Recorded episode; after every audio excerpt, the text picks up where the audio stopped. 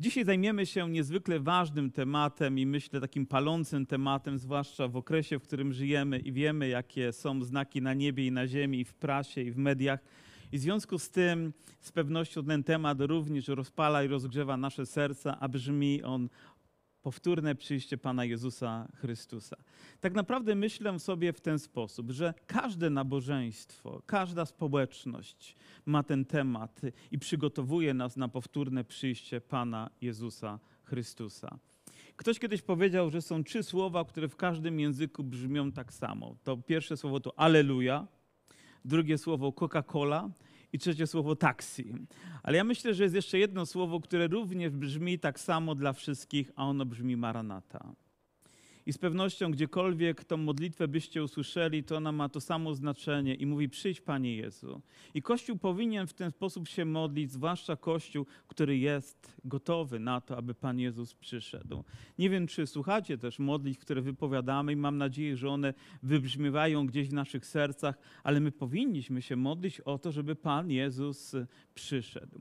Oczywiście uczono też mnie i nas uczono i uczymy się tego wciąż, że Pan Jezus przyjdzie i przyjdzie jak złodziej w nocy i o tym będziemy się uczyć. I przyjdzie też nagle i nawet niektórzy powiedzą, Pan Jezus może przyjść dzisiaj, może przyjść teraz, w tym momencie. Ale wiecie, chciałbym tutaj zatrzymać się na chwilę i nieco nie dlatego, że poddać to wątpliwość, ale mam pytanie, czy wszystkie rzeczy już wypełniły się do przyjścia Pana Jezusa? Czy wszystkie rzeczy, które On objawił, nam w Bożym Słowie już zaistniały, żebyśmy mogli powiedzieć: O, dzisiaj w nocy przyjdzie Pan Jezus, albo teraz przyjdzie Pan Jezus w tym momencie. Jeżeli razem czytamy uważnie Boże Słowo, to samo Słowo, to ja wierzę też, że Pan Jezus zapowiadał nam, jakie znaki będą towarzyszyć Jego przyjściu. I też Księga Objawienia mówi nam o tym, że zanim przyjdzie Pan Jezus, to muszą się niektóre rzeczy jeszcze wypełnić, a one jeszcze w moim rozumieniu, i chcę to podkreślić, w moim rozumieniu się nie wypełniły Co nie oznacza, że ja i ty nie możemy indywidualnie spotkać się z Panem Jezusem, bo Pan Jezus może nas odwołać w każdym momencie naszego, naszego życia, ale Jego powtórne przyjście jest uwarunkowane tym, że będą poprzez, będzie to poprzedzone pewnymi rzeczami, wypełnieniem też proroc, wypełnieniem zapowiedzi Pana Jezusa i wtedy musimy bardzo, bardzo, bardzo uważać. A w zasadzie to w każdym momencie musimy być pilnie strzeżący naszych serc, aby, aby być przygotowanym na spotkanie razem z Nim.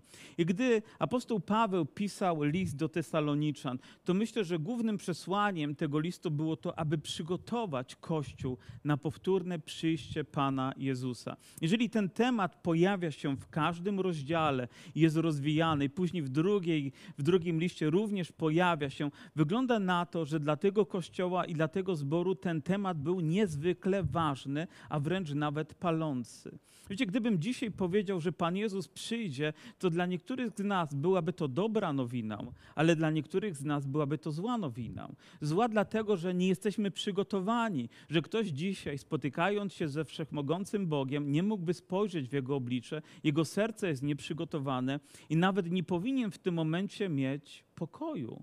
Dlaczego? Ponieważ to pokój sprawia, że jest gwarancją tego, że jesteśmy gotowi na spotkanie z Panem. Jeżeli nie, to gdzieś nasze serce bije mocniej ze strachu również, z lęku przed tym, że spotkamy się ze wszechmogącym, wszechmogącym, pełnym chwały i mocy Bogiem, który zadecyduje o naszej wieczności. Nie wiem, czy byliście kiedyś w takim momencie, kiedy dokonywano wyboru, że gdzieś stanęliście, jedni szli na prawo, drudzy szli na lewo. Ja pamiętam, kiedy byłem chłopcem, grałem dużo w piłkę. W ogóle w tym muskularnym ciele kryje się sylwetka sportowca, możecie w to uwierzyć lub nie, ale pamiętam, że chciałem się zapisać do trampkarzy. Kiedyś była taka drużyna młodych chłopaków, którzy chcieli pokopać w piłkę. No i oczywiście, kiedy przyjeżdża taki narybek, to stara gwardia wtedy tam rządzi i pamiętam, mieliśmy wspólny trening, było nas tam co niemiara, a później jeden z nich, taki chyba kapitan drużyny, stanął i wybierał, kto będzie w trampkarzach, a kto nie, na prawo, na lewo. Wiecie, byłem chłopakiem i stałem w kolejce, aż popatrzył na mnie i miał zadecydować, czy będę grał w tej drużynie, czy nie będę. Jak myślicie? Grałem czy nie grałem?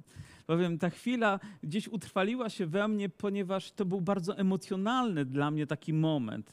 Na, naprawdę gdzieś te myśli były wtedy tak intensywne i na szczęście wybrał mnie. Ale niektórzy nie zostali wybrani. To jest nic w porównaniu z tym, że kiedyś każdy z nas będzie musiał stanąć przed wszechmogącym Bogiem, spojrzeć w Jego oblicze. I to będzie najświętsza, najbardziej emocjonalna chwila naszego całego jestestwa.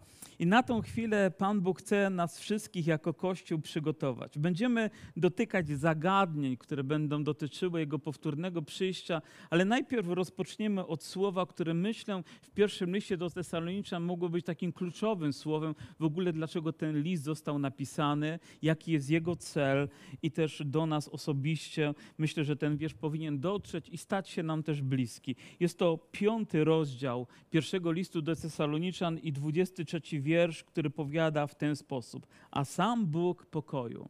Wiecie, niezwykle podoba mi się to, że Bóg określony jest Bogiem pokoju.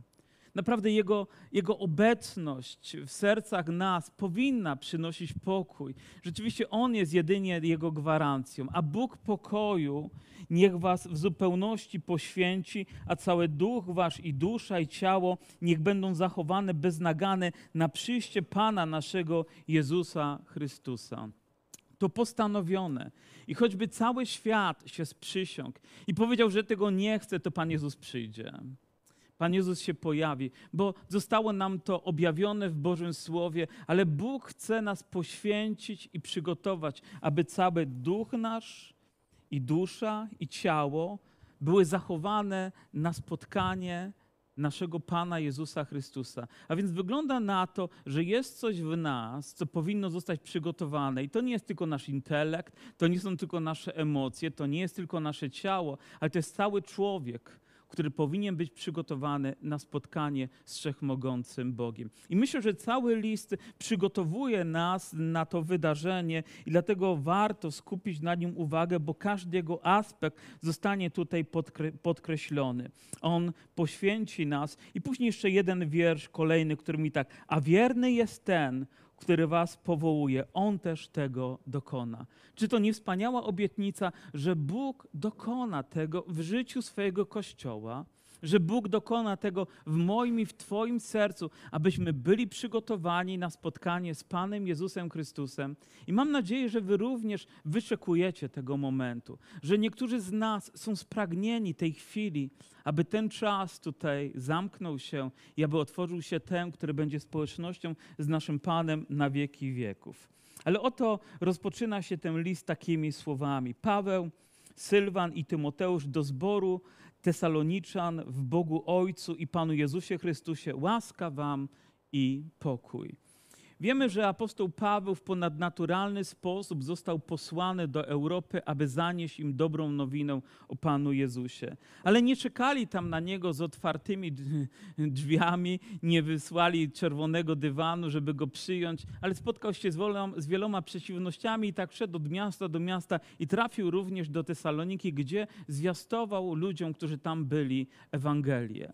Ludzie niektórzy przyjmowali, niektórzy odrzucali, ale ci, którzy przyjęli, zaczęli tworzyć zbór. Apostoł Paweł też nauczał ich, ukształtował i zbór ten mógł funkcjonować. Ale kiedy on się oddalił, a zbór istniał, powstały problemy i trzeba było na nowo wysyłać listy, aby umocnić ich wierze, aby zwrócić się do nich w tak bezpośredni sposób, by nie pobłądzili i nie odlecieli gdzieś w swojej, w swojej wierze. Ale rozpoczyna się od tego, że nie pisze tylko ja, Paweł, ale pisze Paweł, i Sylwan, i Tymoteusz, bracia, którzy razem z nim podróżowali, którzy stanowili tą, tą misję, która była razem z nim, oni byli tutaj wymienieni. Wiecie, co mnie to uczy? Czego mnie to uczy? Uczy mnie tego, że my powinniśmy być przygotowani z innymi że powtórne przyjście Pana Jezusa to czas oczekiwania w Kościele. To nie tylko indywidualna sprawa, choć taką jest, ale to też sprawa nas, Kościoła. Zachęcania siebie nawzajem, umacniania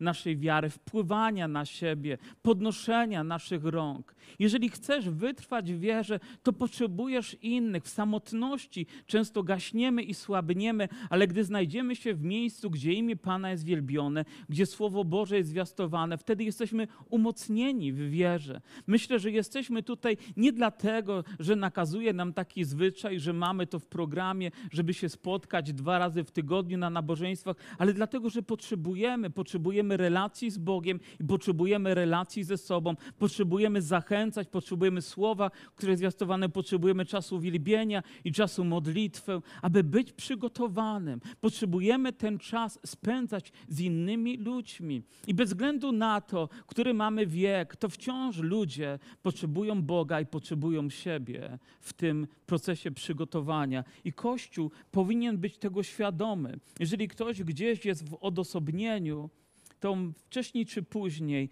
będzie łatwym łupem dla tego, który jest naszym przeciwnikiem. W Bogu Ojcu i Panu naszym łaska wam i pokój. A więc wszystko, co się dzieje, rozpoczyna się od Boga, prowadzi nas do relacji z naszym Panem, a Bóg przychodzi, aby wypełnić nas pokojem. Kolejny wiersz. Dziękuj, dziękujemy Bogu zawsze za was wszystkich, wspominając was w modlitwach naszych nieustannie. Ja wiem, że jest to pewne uproszczenie tego wiersza, ale druga myśl, która się zrodziła czytając ten fragment, to oczekuj Boga z postawą dziękczynienia. Naprawdę możemy oczekiwać coś zamartwiając się, a możemy oczekiwać coś ciesząc się na tę myśl, że spotkamy naszego Pana. Ja nie chcę tracić kolejnego dnia zamartwiając się czymś, co do mnie nawet nie należy. Nie chcę żyć tylko w troskach i problemach dnia codziennego i utyskiwać na kolejny, na kolejny, na kolejny dzień. Czy nie lepiej jest żyć z dziękczynieniem? Czy nie tego uczy nas również Boże Słowo? Czy ten dzień nie jest radośniejszy? Czy słońce nie świeci wtedy jaśniej? Czy niebo nie jest bardziej błękitne? Czy ludzie nie są bardziej przyjaźni, kiedy właśnie taką postawę przyjmuje Kościół?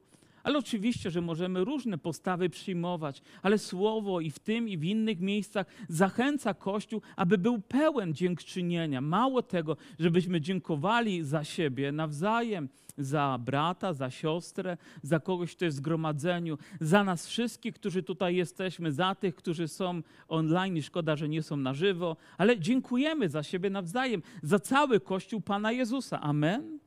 A najtrudniej dziękować za tych, którzy są najtrudniejsi w tym, żeby za nich dziękować. Ale potrzebujemy nawet i w ten sposób wyrażać. Potrzebujemy dziękować za nasze domy, za rodziny, za zbory, za pokój, który mamy, za możliwości, które dał nam Pan. Jesteście wdzięczni?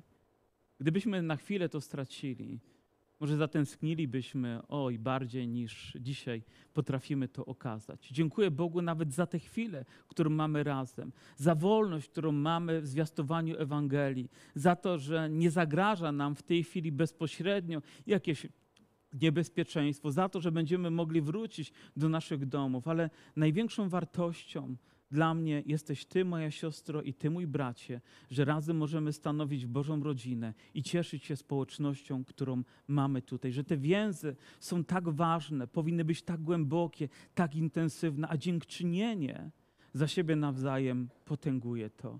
Jeżeli masz czasami jakąś sytuację problematyczną z osobą, która no, pojawiła się gdzieś na horyzoncie Twojego życia, to zacznij od dziękczynienia. Nie od tego, żeby wypomnieć Bogu wszystkie jego błędy i grzechy, ale od tego, żeby po prostu podziękować za to, że ta osoba jest. I wiecie, co się stanie? Twoje serce się zmieni. Gwarantuję ci to. Twoja postawa wobec tej osoby się zmieni. Czy ktoś z Was kiedyś to praktykował? Czy doświadczyliście również tego? Nawet jeżeli trzeba to zrobić przez łzy, tylko dlatego, że Boże Słowo tak mówi i przez wiarę, no dobrze, podziękuję. Ale nagle w tym momencie następuje jakiś trzask i przełom w nas. I z pewnością apostoł Paweł znalazłby parę błędów w tym kościele, ale nie zaczyna od tego, żeby dziękować za każdego z nich. Dziękuj za ludzi, którzy są na ulicy, za tych, których mijasz, dziękuj za swoich pracodawców, dziękuj za wszystkich, którzy są wokoło ciebie, bo to jest rzecz istotna dla każdego wierzącego człowieka. Dziękuję Bogu zawsze, wspominając w modlitwach nas nieustannie, a więc bądź nieugaszony, bądź wytrwały w modlitwie, ciągle módl się, bez ustanku wołaj do Boga. Jak to możliwe? Wiecie, nie zawsze nasze usta mogą wypowiadać głośne słowa, Ale pamiętam gdzieś na początku mojej wiary, gdy no, narodziłem się na nowo, zacząłem wielbić Boga, gdzieś złapałem się w sklepie, że ludzie patrzą na mnie, ponieważ głośno się modliłem, uwielbiałem Boga i myśleli sobie, o jakiś wariat się pojawił. I rzeczywiście moje serce zwariowało dla Pana. I rzeczywiście miałem pragnienie wyrażania tego. Czy nie zdarzyło wam się śpiewać, gdy nie mieliście świadomości, że inni was słuchają?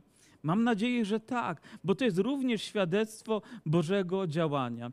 Pamiętam historię, chyba jeden z kaznodziejów, nie wiem czy David Wilkerson nie opisywał, jak się modlił o swojego ojca, który gdzieś był na drugim piętrze, a on, żeby nikt go nie słyszał, szedł do piwnicy i zaczął wołać do Boga tak głośno, jak tylko potrzeba, nie wiedząc, że po kaloryferach, po rurach głos się niesie i cały dom słyszał jego modlitwę. Mówię, bo to jest pragnienie Bożego serca wołać, wołać, wołać do Boga. I im bardziej będziesz wzrastał Panu, tym bardziej będziesz dostrzegał potrzebę modlitwy.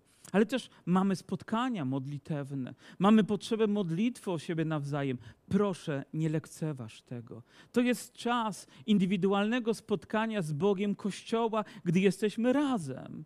Potrzebujemy modlitw od siebie nawzajem. I nawet nie wiesz, kiedy Bóg przyjdzie i dotknie Twojego serca tak intensywnie, przyjdzie odpowiedź. A może niektórych odpowiedzi nie ma, bo jeszcze nie zakosztowałeś możliwości bycia tam, gdzie imię Pana Jezusa jest wielbione. Wiecie, potrzebuję, by ludzie modlili się o mnie i wiem, że ludzie potrzebują, bym ja modlił się o nich. I nieustannie, nieustannie, nie tylko raz wymieniam, ale chcę nieustannie wymieniać każdą osobę indywidualnie.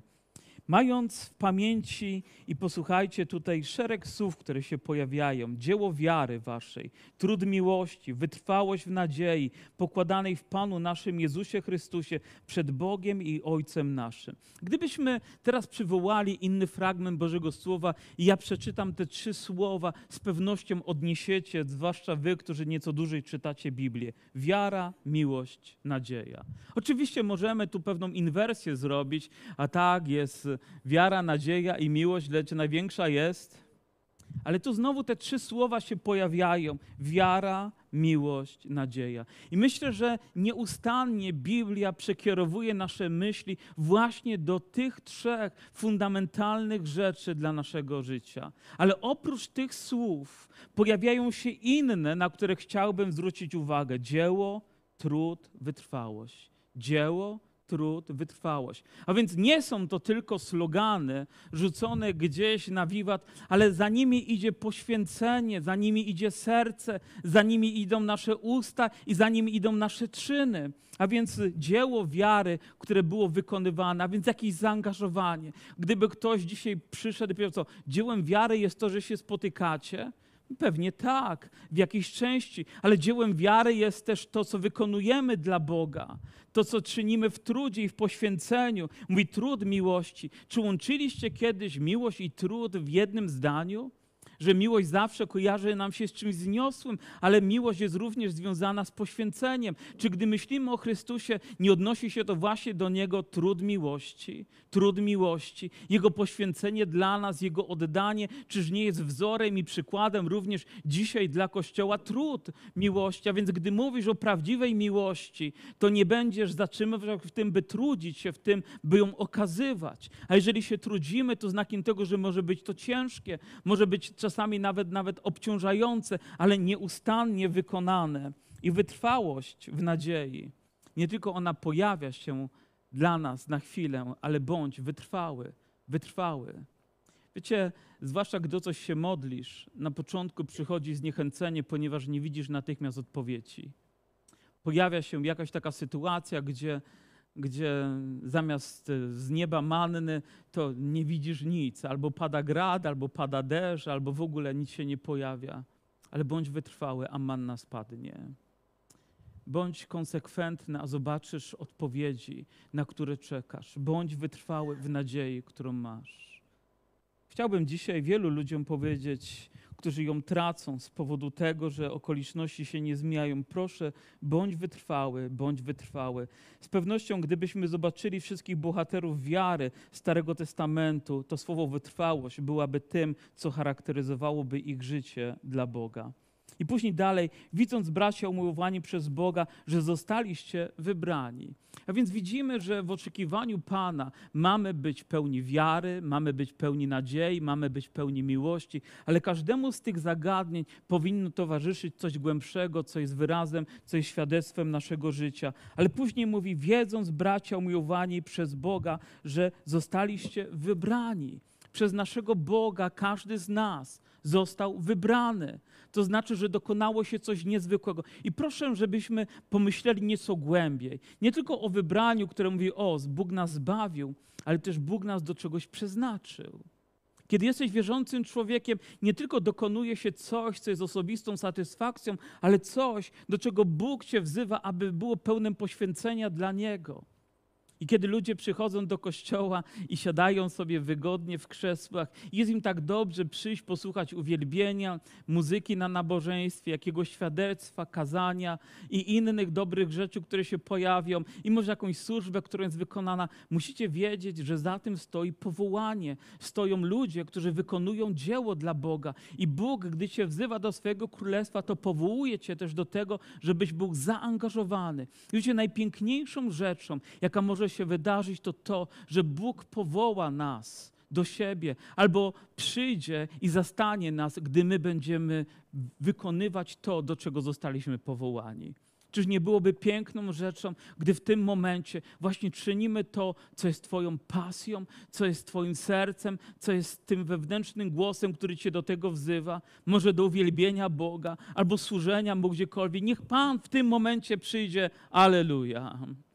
Nie wiem, w którym momencie mnie miałby wezwać, ale niech to uczyni we właściwym miejscu i czasie. Gdyż Ewangelia zwiastowana mam przez nas doszła was nie tylko w słowie, lecz także w mocy i w Duchu Świętym z wielką siłą przekonania. Wszak wiecie, jak wystąpiliśmy między wami przez wzgląd na was. Dla jednych słowo to tylko zlepek liter ale dla innych to samo słowo ma ogromne znaczenie. Różnica, która wynika, powodowana jest przez Ducha Świętego. Dla jednych jest to tylko kazanie, a dla innych jest to powołanie. Dla jednych jest to informacja, a dla innych jest to kierunek życia. Jest to jakaś wartość, która jest wnoszona w nasze życie. Dla jednych jest to czas, który spędziliśmy razem, a dla innych jest to dzień zbawienia, który dokonuje się. Duch Święty, który jest obecny w zgromadzeniu, który jest obecny w nas, powoduje, że to samo słowo nabiera tak ogromnego znaczenia dla ludzi wierzących. Dlatego też codziennie staram się rozpoczynać dzień od czytania słowa. Wiecie, bo wiem, że jeżeli nie napełnię tym pełnym mocy słowem moje serce, ustanę. Wiem, że zmierzę się z problemami, które będą większe niż moja odporność i moja siła. Potrzebuję słowa pełnego Bożej obecności, po to, żebym mógł wkroczyć w ten dzień, wiedząc, że Pan tym słowem przygotowuje mnie na to, co się stanie. I nawet nie zdajcie sobie sobie sprawę, jak często Bóg precyzyjnie, powiem niczym skalpel lekarza, dotyka tego, co chore, tego, co jest w potrzebie, aby podnieść mnie na duchu. Ile razy Ty, przychodząc na nabożeństwo, a ja nie wiedząc, albo ktoś inny, kto ma usługę, że Ty przychodzisz z tą myślą i z tym problemem, odpowiada na tą potrzebę tak, jakby to zostało uszyte na Twoją miarę. Jakby ktoś założył garnitur i rzeczywiście pasował na siebie idealnie, bo Bóg zna Twoje serce, odpowiada, bo Duch Święty jest obecny, On bada nasze serca i On przynosi słowo pełne mocy, ale też oczekuje, że nasze życie będzie otwarte, że nasze życie będzie wypełnione Jego mocą. Słowo nie doszło nas tylko w literze, ale doszło nas w taki sposób, że dzisiaj nasze życie jest całkowicie przemienione. Czy zdajcie sobie sprawę, że to jedno słowo może zmienić całkowicie nasze życie, że dzisiaj Twoje życie może być zmienione jednym Bożym Słowem, które w mocy ducha zostanie umieszczone w Twoim sercu, a później Pan poprowadzi Cię dalej. Wy staliście się naśladowcami naszymi i Pana i przyjęliście słowo w wielkim uciśnieniu i z radością Ducha Świętego. choć wydaje się to sprzecznością, bo wielki ucisk i wielka radość to wydają się dwa odmienne bieguny, ale nie jest to odległe od siebie, gdy dotyczysz Królestwa Bożego. Że z jednej strony dostępujesz ucisku, ale z drugiej strony dostępujesz radości, która rozprasza każdy smutek w naszym sercu. Pamiętacie tego Etiopczyka, który przyjechał, aby uczestniczyć w wielkim święcie religijnym, ale wracając, jego serce wciąż było puste. Przyłączył się do niego e, Filip, aby zwiastować mu Ewangelię. Dojechali nad wodę, tam został ochrzczony. I wiecie, co dalej mówi świadectwo? A on, wracając, dalej radował się. Jadąc do swojego domu, był wypełniony Ewangelią. I taki jest owoc Ducha Świętego wychodząc z tego miejsca, powinniśmy być pełni radości. Dlaczego? Bo Pan przyszedł i dotknął naszego serca, bo Jego słowo dotarło do naszego życia. I On jest gwarancją. Nawet w ucisku Kościół może śpiewać. Jak Paweł i Sylas w więzieniu, tak również i my w okolicznościach trudnych naszego życia wznosimy głos, a Bóg przychodzi, aby wypełnić swoją obietnicę i przynieść radość do naszego życia. Aleluja. Co za wspaniała nadzieja dla Bożego Kościoła. Kościół nigdy nie jest pozbawiony łaski Boga. Zawsze wiemy, że możemy być razem z Nim. I tak, iż staliście się wzorem dla wszystkich. Myślę, że Bóg wzywa nas, abyśmy żyjąc, przygotowując się, dawali wzór tym, którzy są dalece od Niego. I później od was bowiem rozeszło się słowo pańskie, nie tylko w Macedonii, ale i w Achai, i też wiara wasza w Boga rozkrzewiła się na każdym miejscu, tak iż nie mamy potrzeby o tym mówić. Kiedy przychodzą czasy ostateczne, ludzie bardzo dziwnie się zachowują. Niedawno słyszałem pewną historię, która myślę jest prawdziwa i nawet w naszym zborze pojawiło się jakieś, jakiś chłopak z dziewczyną, młody chłopak, młoda dziewczyna i wyglądało na to, że byli narzeczeństwem, ale rodzice tego chłopaka, wierzący rodzice powiedzieli mu tak, słuchaj synu, czasy są ostateczne, nie żeń się dlatego że Pan Jezus przychodzi i już nie warto się żenić, warto się teraz poświęcić całkowicie Bogu. Wiecie co? Ja bym powiedział mojemu synowi, chłopie, żeń się jak najszybciej.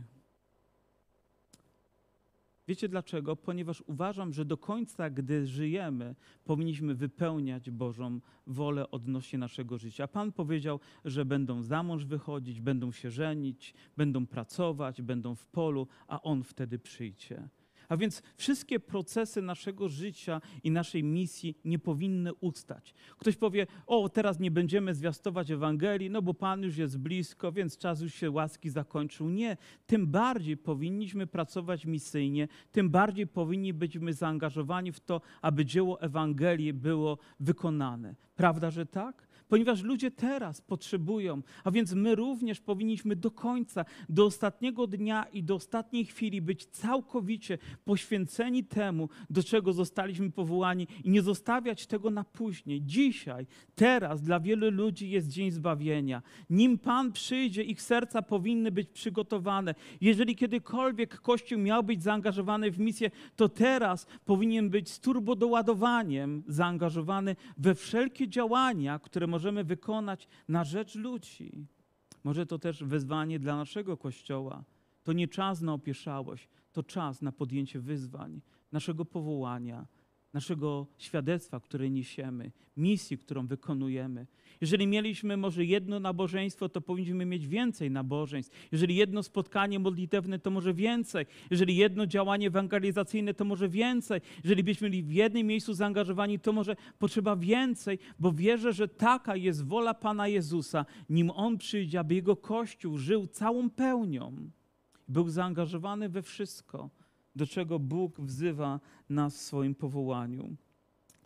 Bo, są, bo oni sami opowiadają o nas, jakiego to u was doznaliśmy przyjęcia, jak nawróciliście się od bałwanów do Boga, aby służyć Bogu żywemu i prawdziwemu.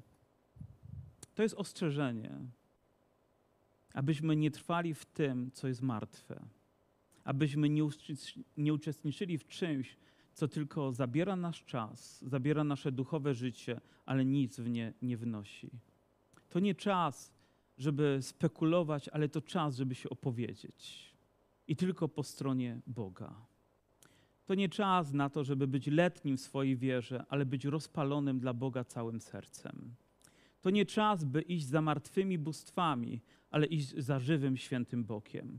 I myślę, że słowo bóstwo może mieć wiele twarzy, może mieć wiele imion i mieć ogromne znaczenie również dla nas. Ale Bóg wzywa nas, abyśmy porzucili te wszystkie rzeczy i skoncentrowali się całkowicie, całkowicie na Nim. Nie wiem jak wy, ale ja nawróciłem się akurat kiedy miałem 16 lat, więc uczestniczyłem na lekcji religii, spotkałem się z wieloma e, rzeczami, które wtedy były dla mnie święte, ale dzisiaj takimi nie są. Mówiono mi o osobach, które mogą pośredniczyć między mną a Bogiem, ale takimi nie są. Wiecie, to nie czas, żeby powiedzieć, że jest inaczej, ale to czas, żeby powiedzieć, nikt inny nie może cię zbawić, tylko Jezus Chrystus. Nikt inny nie może dać ci pełni życia, tylko Jezus Chrystus. Żadne bóstwo tego świata tego nie dokona. To nie czas, żeby kogoś głaskać i mówić, nic się nie martw, ale to czas, by mu powiedzieć, powiem, ten Bóg cię nie zbawi, ale Jezus, który żyje, chce tego dokonać w twoim sercu. Trzeba mieć odwagę, żeby to wyrazić, nawet za cenę tego, że komuś się to nie spodoba. Być może na chwilę się od nas odwróci, ale jednego będziecie pewni, usłyszy prawdę. I pewnego dnia, gdy ja i ty staniemy gdzieś przed obliczem Boga, nikt nie zarzuci ci, że nie powiedziałeś tego, co jest w twoim sercu. I co jest prawdą również dla twojego życia. Myślę, że to czas, kiedy też Bóg przykłada miecz do naszych serc. I to, co dobre, powinno zostać, a to, co złe, powinno zostać odsunięte. Jeżeli naprawdę przygotowujemy się na przyjście, to nie będziemy marnować tego czasu na nic, co będzie drenować nasze duchowe życie, ale poświęcimy na to, co będzie je budować, co będzie je uświęcać. Bowiem żyjemy w świecie, gdzie jest panteon bóstw. One pojawiają się na każdym rogu, na każdym wzgórzu, ale żadny z nich nie będzie ratunkiem dla narodu i dla serca człowieka. Tylko i wyłącznie Jezus Chrystus ze swoją wielką łaską dla każdego człowieka. Świat powinien to usłyszeć wyraźnie, jednoznacznie i my jako Kościół powinniśmy również mieć w tym ogromny udział, aby zwiastować Ewangelię wszystkiemu stworzeniu i aby jak najwięcej ludzi mogło poznać zbawienie w Jezusie Chrystusie. Prawda, że tak? I ostatni wiersz. W zasadzie w każdym rozdziale ten wiersz wzywający nas pojawia się. I oczekiwać Syna Jego skąd? Z niebios. Oto kierunek, w którym spogląda moje serce. Nie na ziemię, ale w niebo. Bo tam przychodzi pomoc dla każdego z nas. Tutaj na ziemi niewiele otrzymamy, ale stamtąd otrzymujemy wszystko, czego potrzebujemy którego wzbudził z martwych. Wiecie, co to znaczy? Że oczekujemy Jezusa, który żyje. To nie przyjdzie gdzieś w konspiracji ktoś ukryty, kogoś, kogo będziemy musieli gdzieś rozpoznać w jakiś zawaluowany sposób, ale ktoś, kto przyjdzie z nieba, ktoś, kogo ujrzy wszelkie oko, ktoś, o kim usłyszy każde ucho, ktoś, przed kim zadrży niejedno życie. Jezus, który nas ocalił przed nadchodzącym gniewem Bożym. Niewiele mówimy na ten temat, ale wraz z dobrą nowiną o zbawieniu w Jezusie musimy również powiedzieć wszystkim ludziom: jeżeli nie narodzisz się na nowo, jeżeli Jezus Chrystus nie stanie się Twoim zbawicielem, jeżeli Jego krew nie obmyje Cię z Twoich grzechów, jeżeli nie będziesz miał zawartego z Nim przymierza, to wciąż na Tobie spoczywa gniew Boży. I wiem, że to nie jest popularne, by o tym mówić. I niektórzy nawet chcieliby to gdzieś schować i być może nawet wyciąć z Biblii. I to jest dzisiaj dość proste, żeby uczynić, a nawet zakleić to.